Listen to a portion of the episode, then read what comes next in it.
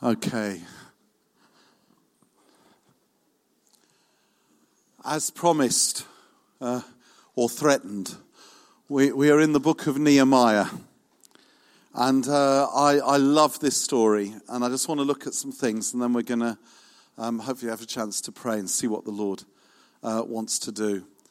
Um, Nehemiah uh, lived at the same time as uh, Plato and Demosthenes. Plato, the great philosopher, and Demosthenes, the, the great orator, uh, regarded as one of the greatest orators in history.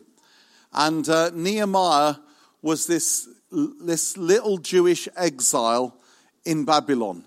He was, he was in a corner. He was nondescript at a time, a contemporary of some of the greatest uh, leaders in the world. And yet, God used him in his corner, in his place, in a profound way that lasts till today. And uh, Nehemiah, when we join the story, he was an exile. And uh, he was in the citadel of Susa in Babylon, which was like the winter palace of a guy called King Artaxerxes. And he was cupbearer to King Artaxerxes. And uh, um, Hanani, his brother, and some other guys were still in Jerusalem. And they came from Jerusalem to visit Nehemiah. We don't know why. And they told him about the situation in Jerusalem. They told him about the state of play. And this is what we read in Nehemiah chapter 1, verse 2. Hanani, one of my brothers, came from Judah with some other men, and I questioned them about the Jewish remnant that had survived the exile and also about Jerusalem.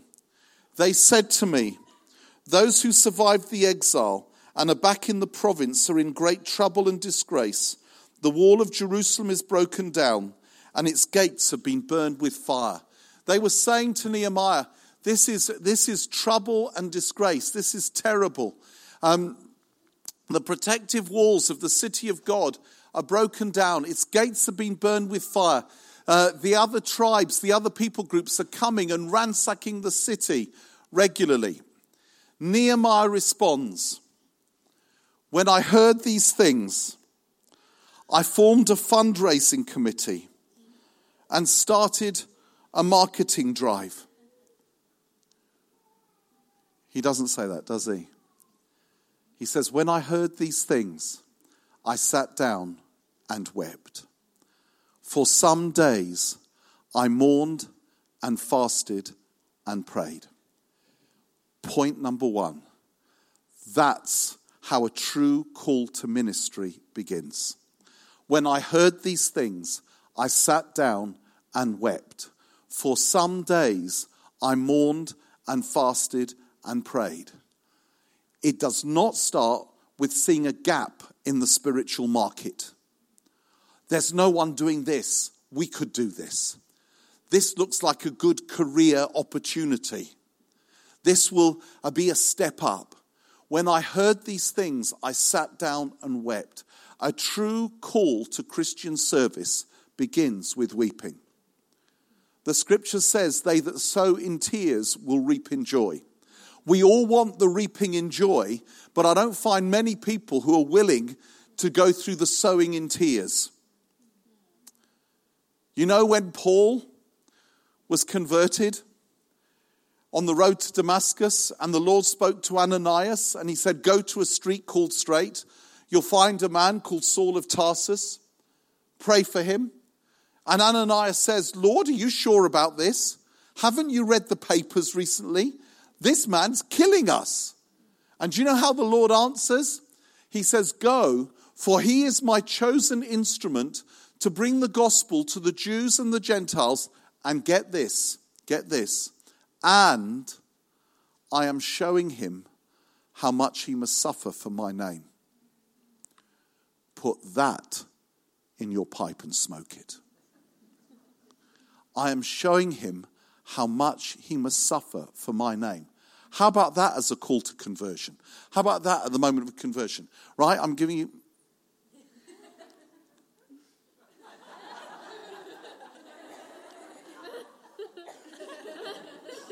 Hold, hold on, hold on. Get, get it up again. Get your phone up. Ready?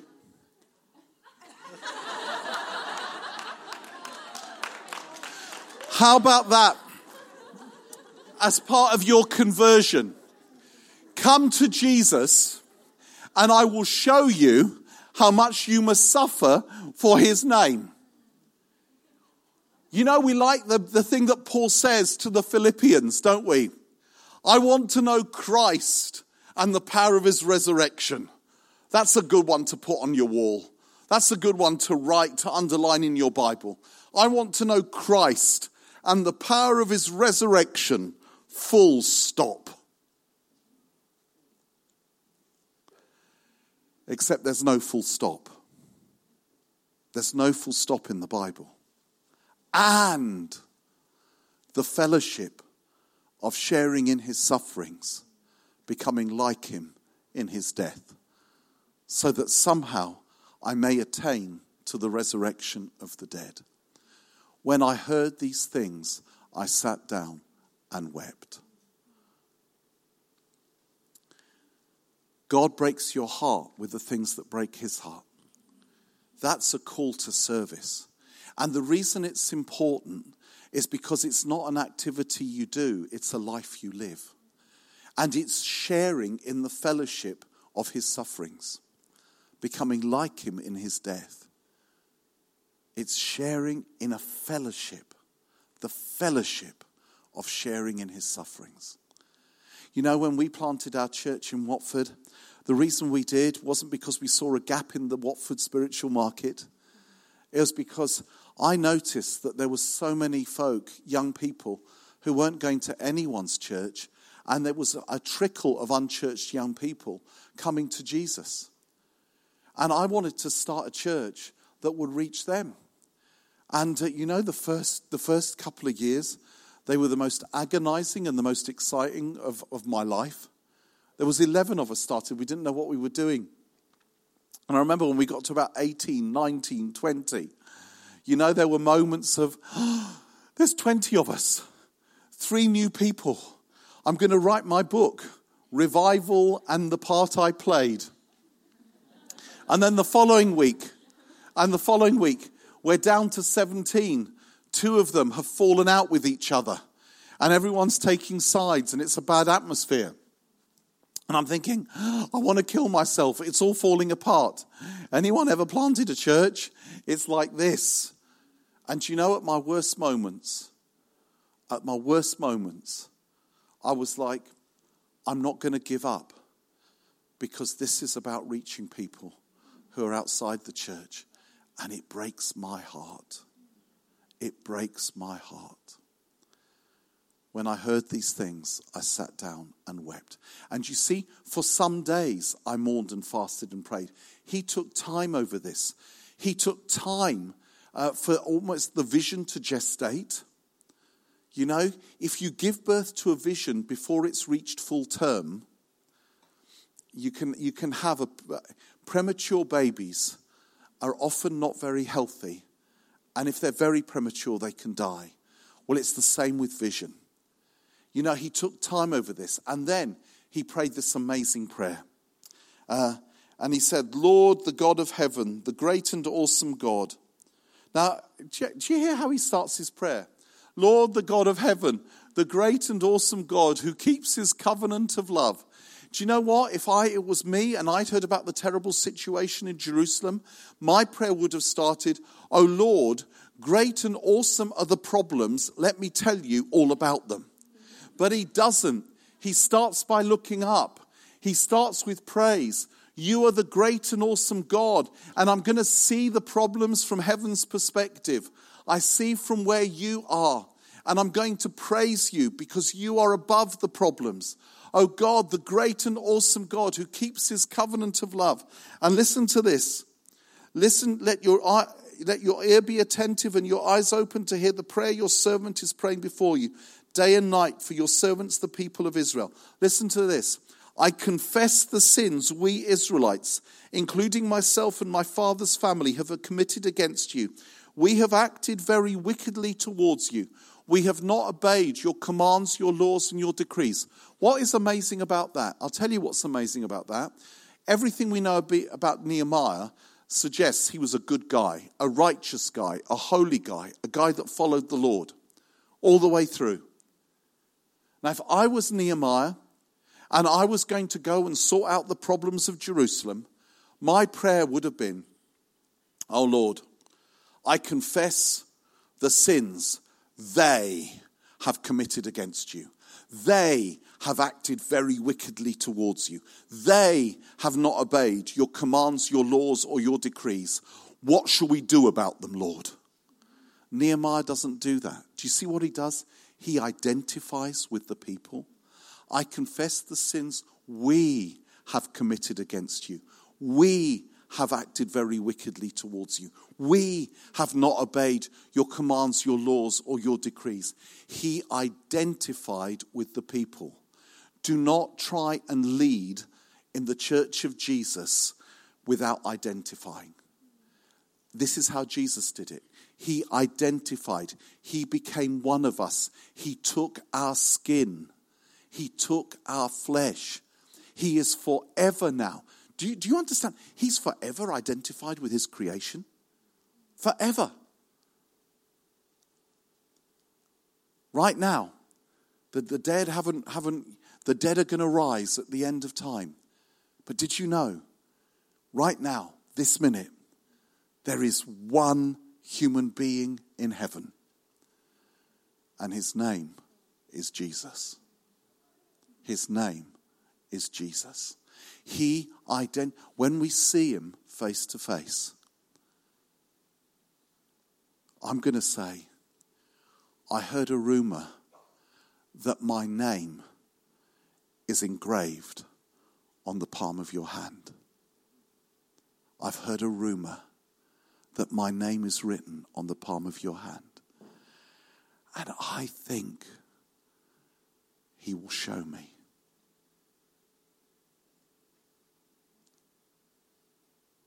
It will be there. The scar, the hole, forever. He identified with us. Don't do things at people, become one of them. It's us, it's not me and them. So he does that. He prays before the Lord God of heaven. And once he finishes praying, he goes to King Artaxerxes.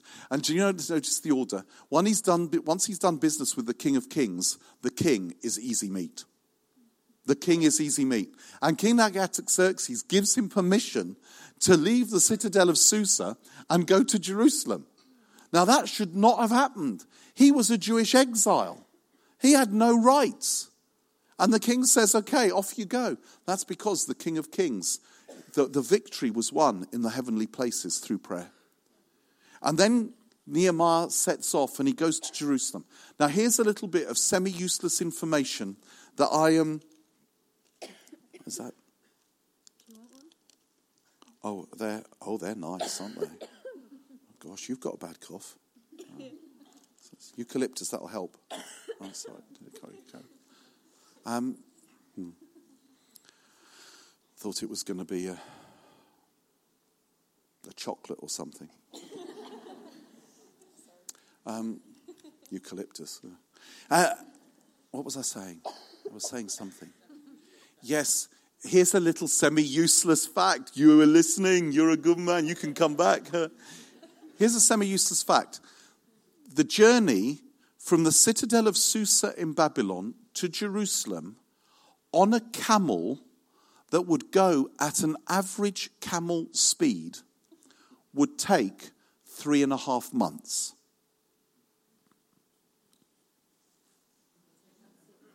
What does that tell us? That tells us that Nehemiah burnt his bridges. There wasn't a plan B. You know, after three and a half months getting to Jerusalem, it would have taken at least a couple of months to work out whether this was going to work or not. Then another three and a half months going back. If, if this didn't work out, someone else was going to be the cupbearer to King Artaxerxes. He couldn't go back. When God speaks to you and he breaks your heart, don't have a safety net. Give it. Don't have a plan B in the back of your mind. Trust Him. Do you know when we planted the church at my worst moments? I said, Lord, there's only one of two eventualities that will happen. I'm Greek, so I exaggerate, okay? I exaggerated to the Lord. One, I'm going to plant this church. Two, I'm going to die trying. And that was my Greek exaggerated way of saying, I will not give up.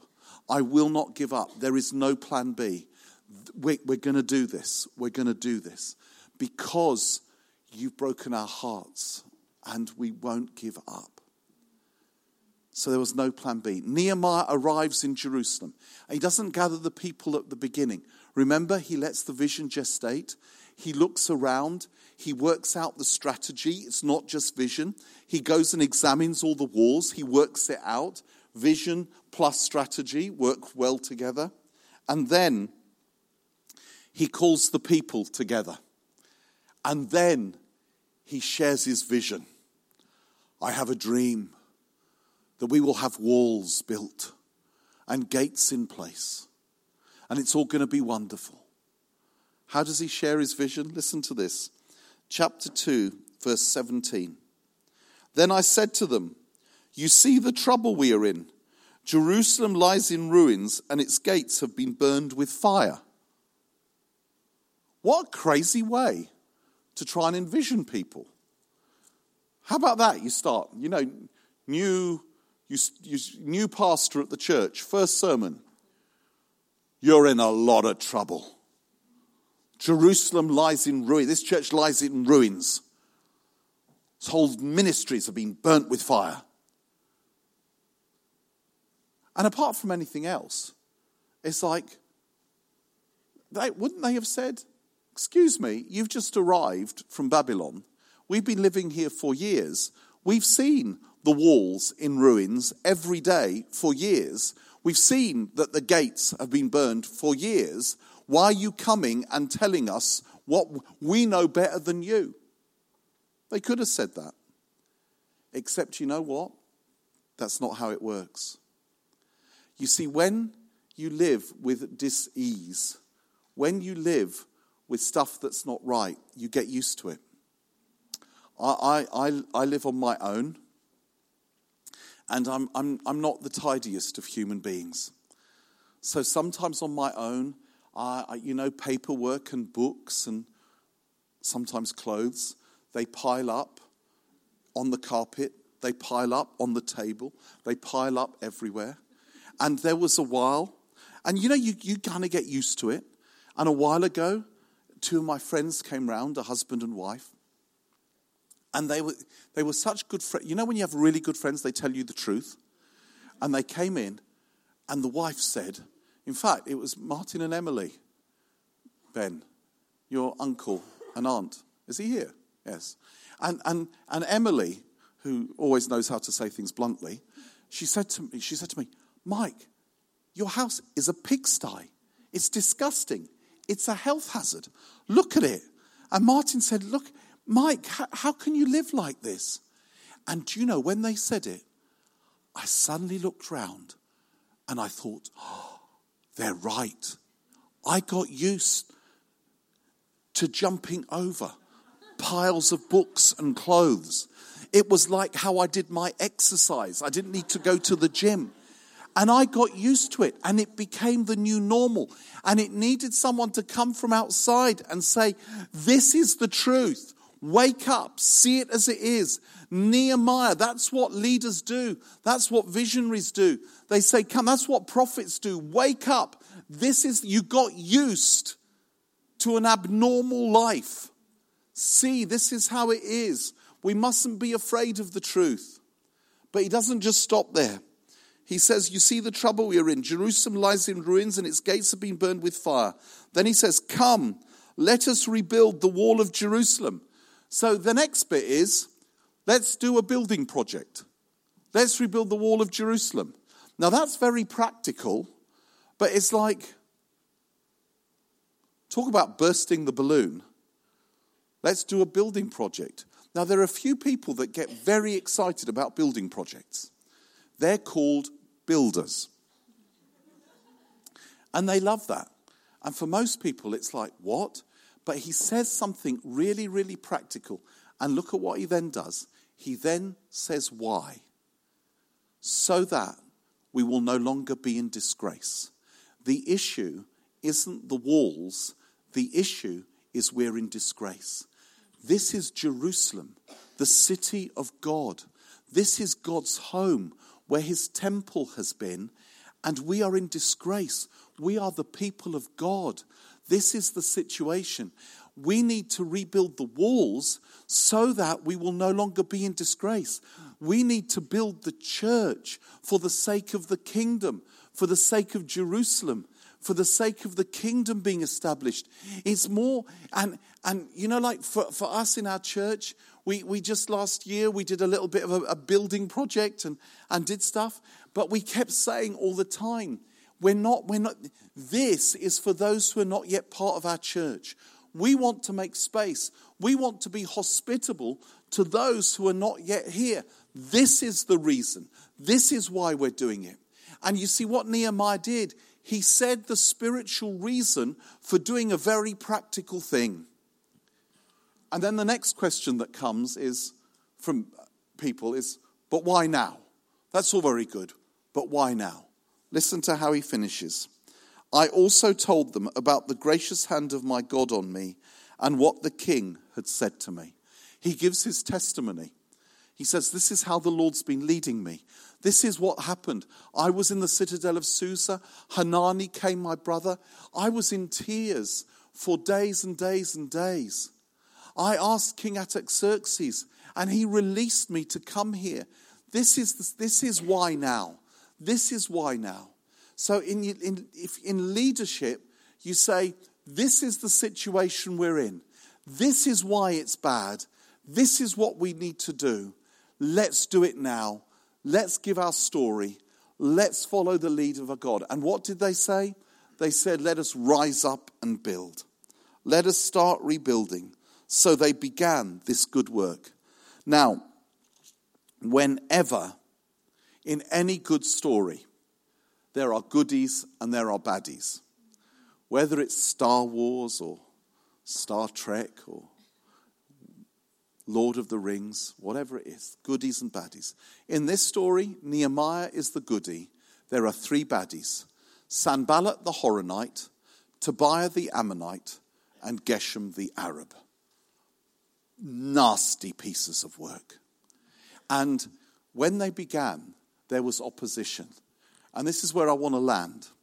There came, as they were rebuilding the walls, three oppositions, three temptations, three challenges, and they always come in this order. For me, anyway. For, they, they, they always come in this order. I'm telling you so you know, so you're not surprised when you step out to, to obey the Lord and to do something that He's telling you to do, what's the first opposition? It's in Nehemiah chapter 4, verse 1. When Sanballat heard that we were rebuilding the wall, he became angry and was greatly incensed. He ridiculed the Jews. And in the presence of his associates in the army of Samaria, he said, What are those feeble Jews doing? Will they restore their wall? Will they offer sacrifices? Will they finish in a day? Can they bring the stones back to life from those heaps of rubble, burned as they are? Tobiah the Ammonite, who was at his side, said, What they are building, even a fox climbing up on it will break down their wall of stones. They just begun. The first temptation, the first attack from Satan comes when you're just starting. You're just planting the church. You're, you're in your first week as the youth pastor of the church.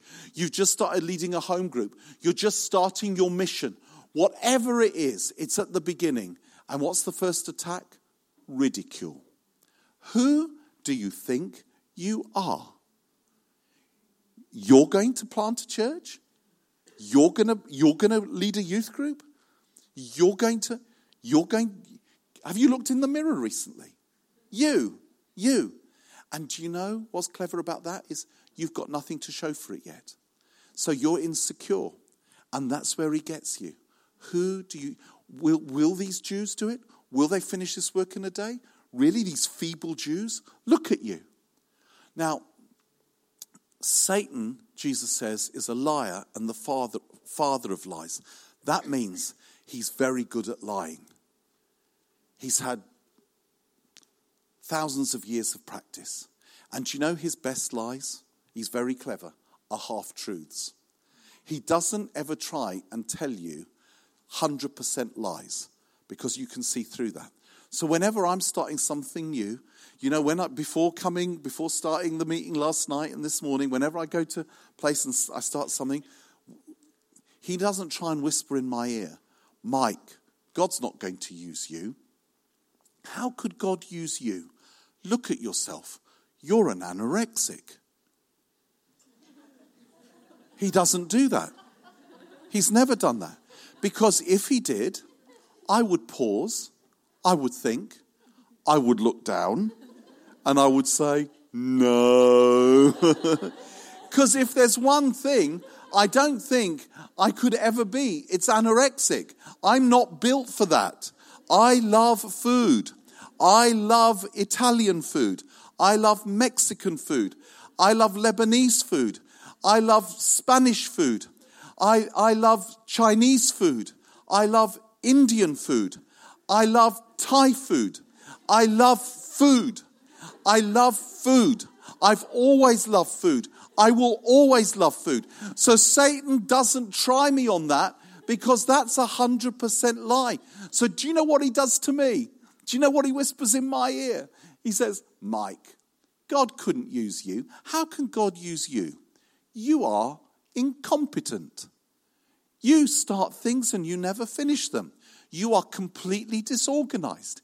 Even the way you speak is disorganized.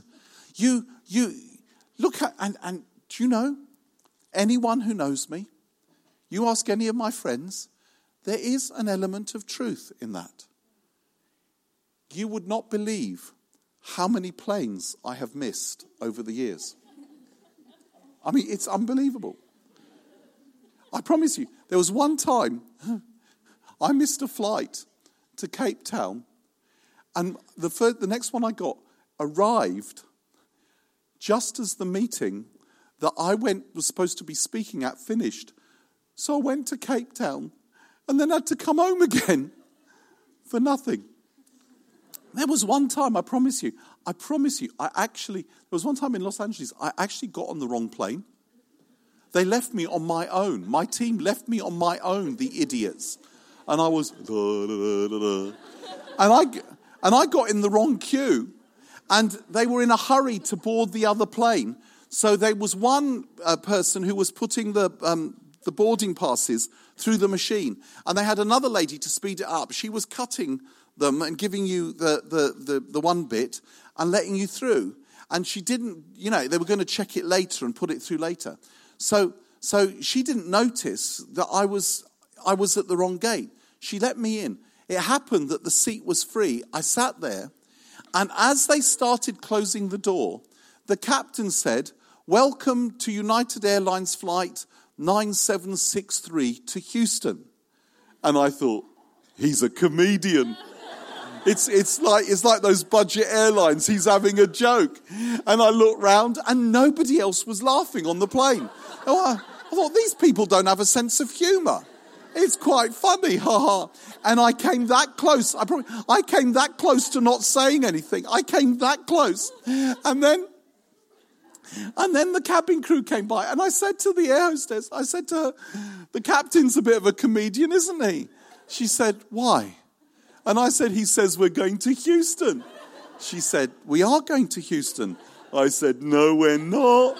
We're going to Philadelphia. She said, We're not. We're going to Houston. I said, Stop it. We're going to Philadelphia. She said, Can I see your boarding pass? I showed her my boarding pass. They had to bring the ramp back up and open the door to get me out. These things happened to me. I could tell you so many stories like that. So when Satan whispers in my ear, God couldn't use you, you're incompetent, you can't organize anything, there's an element of truth in that. And so I can start to think, because this is true, then this will be true. Because I'm this, God won't use me. That's the lie. I am this. You are this. God's using us isn't on that basis. It's not on the basis of us, it's on the basis of Him. It's on the basis of who He is. Now, God knows each, the, the enemy, rather, sorry, the enemy knows each one of our weaknesses, each one of our insecurities, and he gets us on each one of those. But there's one that I think he does to nearly every Christian. Have you ever heard this one? God couldn't use you. You don't pray enough. That's a good one, isn't it? That's a really good one. Do you know why that's a good one? Because how much is enough? I mean, well, I, I pray 10 minutes every day. 10 minutes. You give God 10 minutes a day in prayer, and you think God's going to use you with that. Okay. I'm now praying half an hour a day. Half an hour? Haven't you read what, what Jesus said in the Garden of Gethsemane? Could you not tarry and pray for an hour to the disciples? Don't you know the spiritual principle? When it comes to prayer, an hour a day keeps the devil away. Okay, I'm praying for an hour a day. An hour a day, haven't you heard about the principle of tithing? Giving God 10%? That's more than just money. Don't you tithe your time?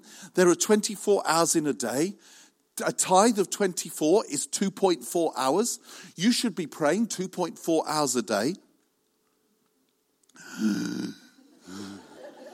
Okay, I'm praying 2.4 hours a day. 2.4 hours a day. Didn't you read what Paul said? Pray without ceasing. You can't win. You can't win, and the devil knows that. He tries to undermine you. What's the answer? Don't argue with him. You will always lose. Take it to God. What did Nehemiah do? He turned it to prayer. Hear us, O God, for we are despised. Turn their insults back on them. Take it to your father. Don't argue with the enemy. Your father's defeated him. Jesus has defeated him. Take it to God in prayer. When you get past the first one, here's the second one. And this is when you're in the middle of the fight. You're in the middle of the ministry. The church is being built. The youth group is growing. Things are progressing. The walls are halfway up. Listen to this in verse um, in verse 6 of chapter 4. So we rebuilt the wall till all of it reached half its height, for the people worked with all their heart. When Sanballat, Tobiah, the Arabs, the Ammonites, and the people of Ashdod heard that the repairs to Jerusalem's walls had gone ahead and that the gaps were being closed, they were very angry. They all plotted together to come and fight against Jerusalem and stir up trouble against it. And then, verse 11, also our enemies said, Before they know it or see us, we will be right there among them and will kill them and put an end to the work. What's the second attack? This comes when you're in the middle of the ministry. It's the full frontal assault. It's everything. It's illness comes, sometimes even death. There can be money problems. There can be division. People hate what you're doing. Sometimes even within the church. Sometimes, and it's like it all seems to come at the same time. You're in the middle of doing what you think God's called you to, and suddenly there's problems everywhere. And the temptation when that happens is to say, I must be outside God's will. Because if I was in God's will, it would be easier than this. All these things must be happening because maybe I'm disobeying. Guys, please hear this. This is the sure proof you're in God's will. You're, Jesus promised his disciples persecutions and troubles and hardships. He also said, I will be with you to the end of the age. You know what? Satan doesn't attack a target that's no threat. He doesn't waste his ammunition. He doesn't waste, he only goes for you when you're in the middle. Don't get scared and give up. Go through, go through, keep going. Understand his ways and look up. Look up to the God who will protect you. It never said anywhere in the Bible it would be easy. But it did say he'll never leave us. What did they do? Uh, Nehemiah says here, uh, but we, verse 9, or was it? Yeah, verse 9. But we prayed to our God and posted a guard day and night to meet this threat. Do you see what they did here? They did two things. They prayed and they posted a guard. In the church today, there are some that say, all you have to do is pray. All you have to do is pray. Just pray and it'll be all right. There are others that say, no, no, we're practical. We're going to post to God. We need to do that. We need to sort out what the issue is and we need to deal with it. It's both. It's both. Pray and post to God. Don't do one. Pray and have wisdom. Ask for wisdom to deal with the situation. What is the root cause? And keep going. Persevere. The gift of perseverance is so crucial. Keep going. Don't give up, and you'll get through. If you get through the second attack, here comes the third and the final one. And this third and final one is, is the most insidious, it's the most, well, it's the one that, that can get you the most. And we see this in chapter 6. They've nearly finished. Nearly all of what Nehemiah dreamt about, nearly all of his vision has come about. Listen to this. When the word came to Sanballat, Tobiah, Geshem the Arab, and the rest of our enemies that I had rebuilt the wall and not a gap was left in it, though up to that time I had not set the doors in the gates, Sanballat and Geshem sent me this message Come, let us meet together in one of the villages on the plain of Ono. But they were scheming to harm me. So I sent messengers to them with this reply. This is, I love Nehemiah. I'm carrying on a great work a great project, and cannot go down. Why should the work stop while I should leave it and go down to you? Four times they sent me the same message, and four times I gave them the same answer. Don't you love that? Hmm. Then the fifth time, Sanballat sent his aide to me with the same message, and in his hand was a letter. And I'll summarize the letter. The letter says, Well, it's been reported that you're planning to make yourself king, and that, that's got to the real king, and he'll be angry. Hey, we've had our differences. Let's meet together on the plain of Ono. We could smoke the peace pipe. We can all compromise a little, and we can, we can come to some arrangement. Listen to what Nehemiah says. Verse 8 I sent him this reply. Nothing like what you're saying is happening. You are just making it up out of your head. Isn't that great? You see, when you wholeheartedly give yourself to the Lord and His work, you see things more clearly. There's clarity. What was the third and the final temptation? When they were nearly there, most of it had been achieved. It was the temptation to compromise. You've got nearly all that you wanted. Nearly all that you wanted has happened. Come on. Let's, let's come. We've, we've had our differences. We can help each other now. You give a little and we'll give a little. And the reason that's so tempting is because when you're nearly there, you're usually spiritually, emotionally, physically exhausted. And then it can be so easy just to give up a little. There's two areas where you can compromise. The first compromise is on the thing that God told you to do. And you can, you can end up compromising on what God gave you. You know what? 95% of the vision is completed. You know what? 5%. It doesn't matter. I'm tired. I can't keep fighting. You know, I know what this is like. In so many ways, this has happened to me over the years. Um, when we started our festival, Soul Survivor, we wanted it to be um, a, a festival that would be for those who are not yet Christians, but for Christians who would unashamedly love Jesus, where worship, teaching, and ministry and the power of the Holy Spirit would be at the center. And yet we would have lots of fun and fellowship, and the people could invite their non Christian friends and not feel embarrassed. But ministry would be part of it. We now get about 30,000 coming each summer um, to our festivals in total, including everyone. And about three years ago, three, four years ago, I had a letter from uh, uh, the pastor of a, a, very evangelical church. And I'm an evangelical. I love the, the it's not, not, it doesn't matter what the church was. From the pastor of a church um, saying, um, Our young people have just returned from your camp, from Soul Survivor, and they loved it. And they've come back closer to the Lord, they've come back enthusiastic. Everyone who went with them who wasn't yet a Christian has given their life to Jesus. I want to thank you for all that you did. And then he carried on and he said, But I'm also writing to tell you that if you don't tone down all the Holy Spirit stuff, we will not let our young people come to you again. Because this Holy Spirit, it's, it's over the top, it's not biblical, it's, it's, it, we, we won't let our young people be exposed to that.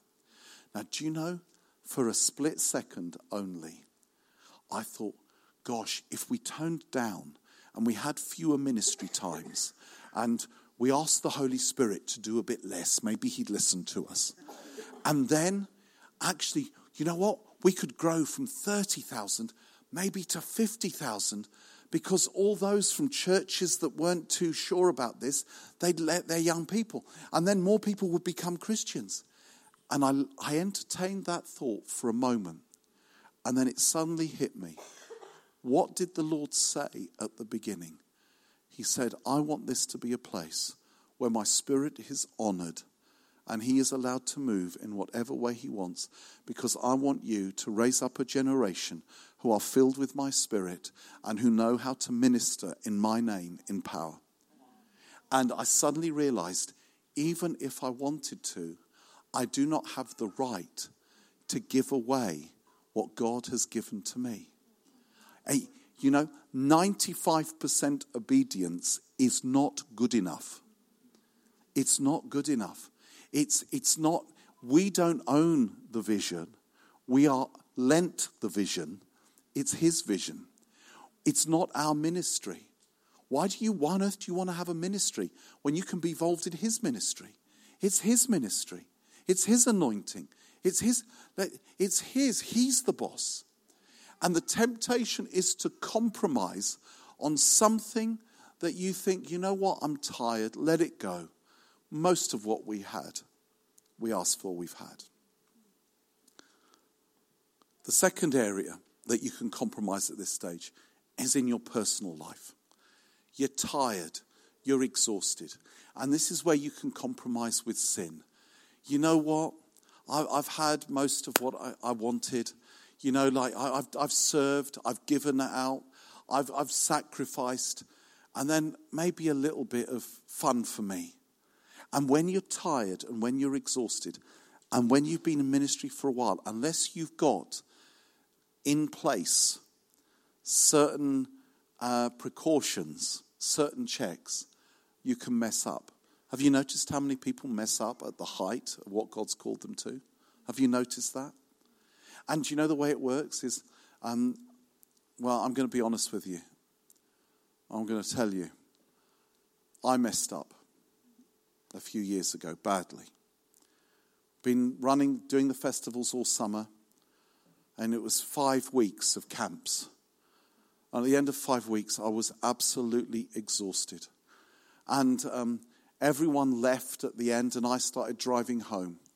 And I drove home, and I drove home on my own and being single, I knew I was going back to the house on my own. And, and everyone was going away with friends, with family. They were all going back to their thing. And I got home and I was so tired. I was so low. I started feeling, you know what? Everyone's off and it's just me. And I don't want to be with people, but I don't want to be on my own. And I just long, I just long for comfort. I long for comfort. And then it was agony. And then to my shame, I picked up the phone and I phoned a number that I had no right to phone. After a while, a young lady answered the phone. I talked to her for a bit. I put the phone down. And then 45 minutes later, there was a knock on my door. I opened the door, and there was a Chinese takeaway for two for one. What did you think I was going to say?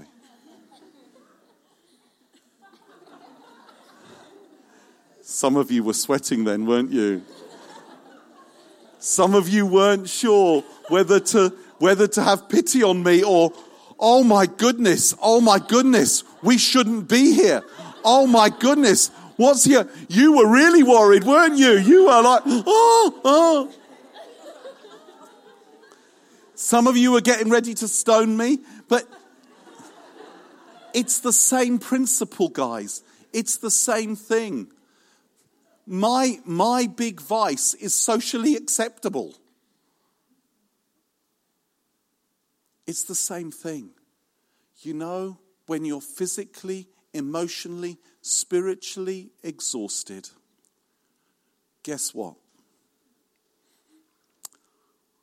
I've done so much. I've given out so much.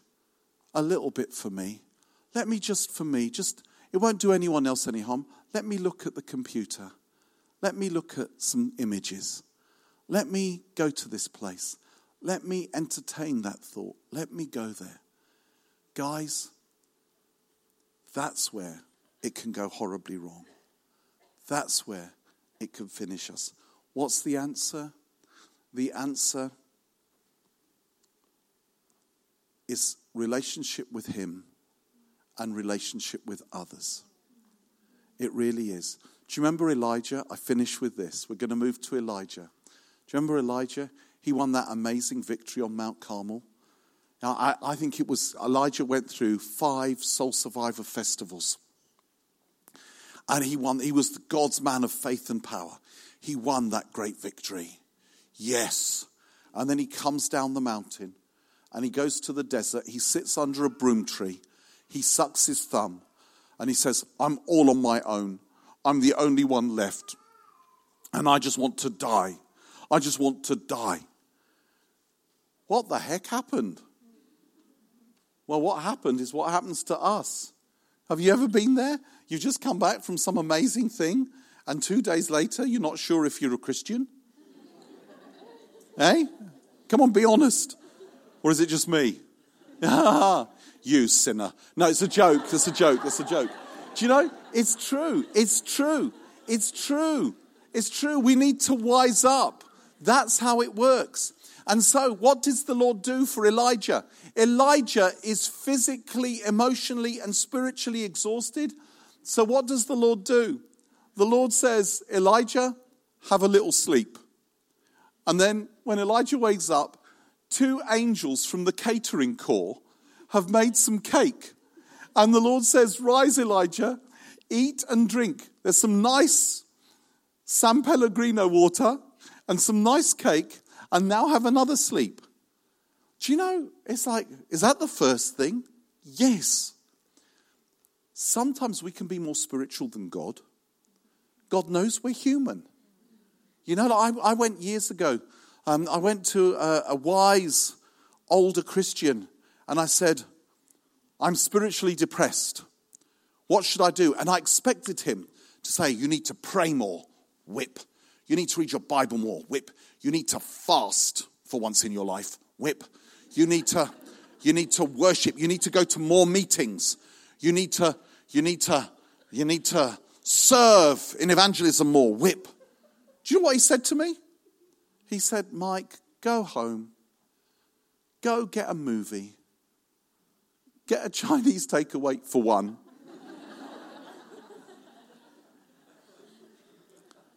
Relax and have an early night.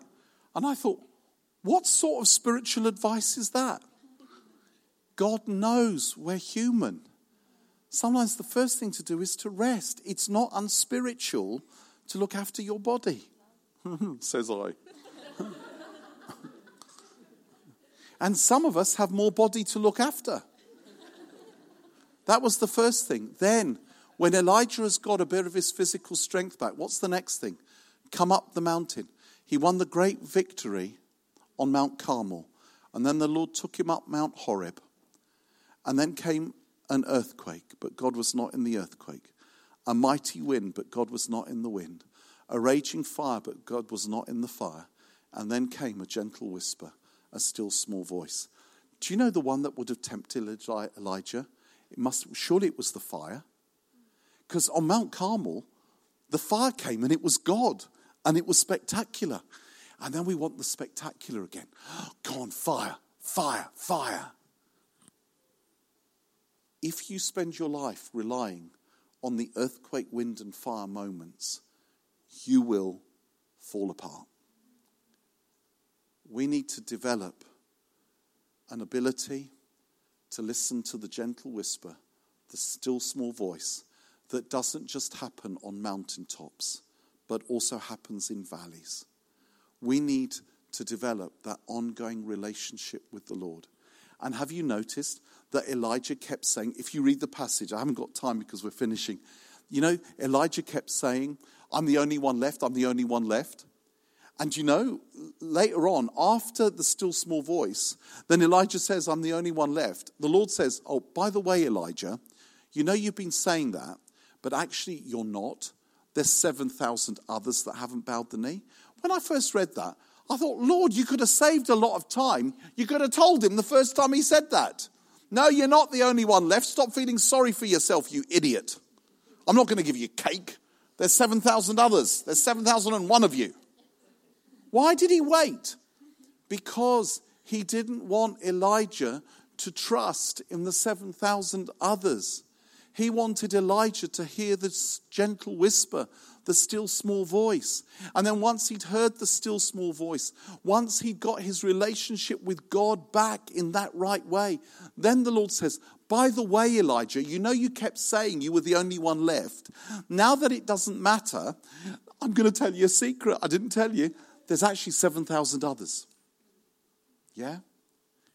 And here's the final bit, and we land with this.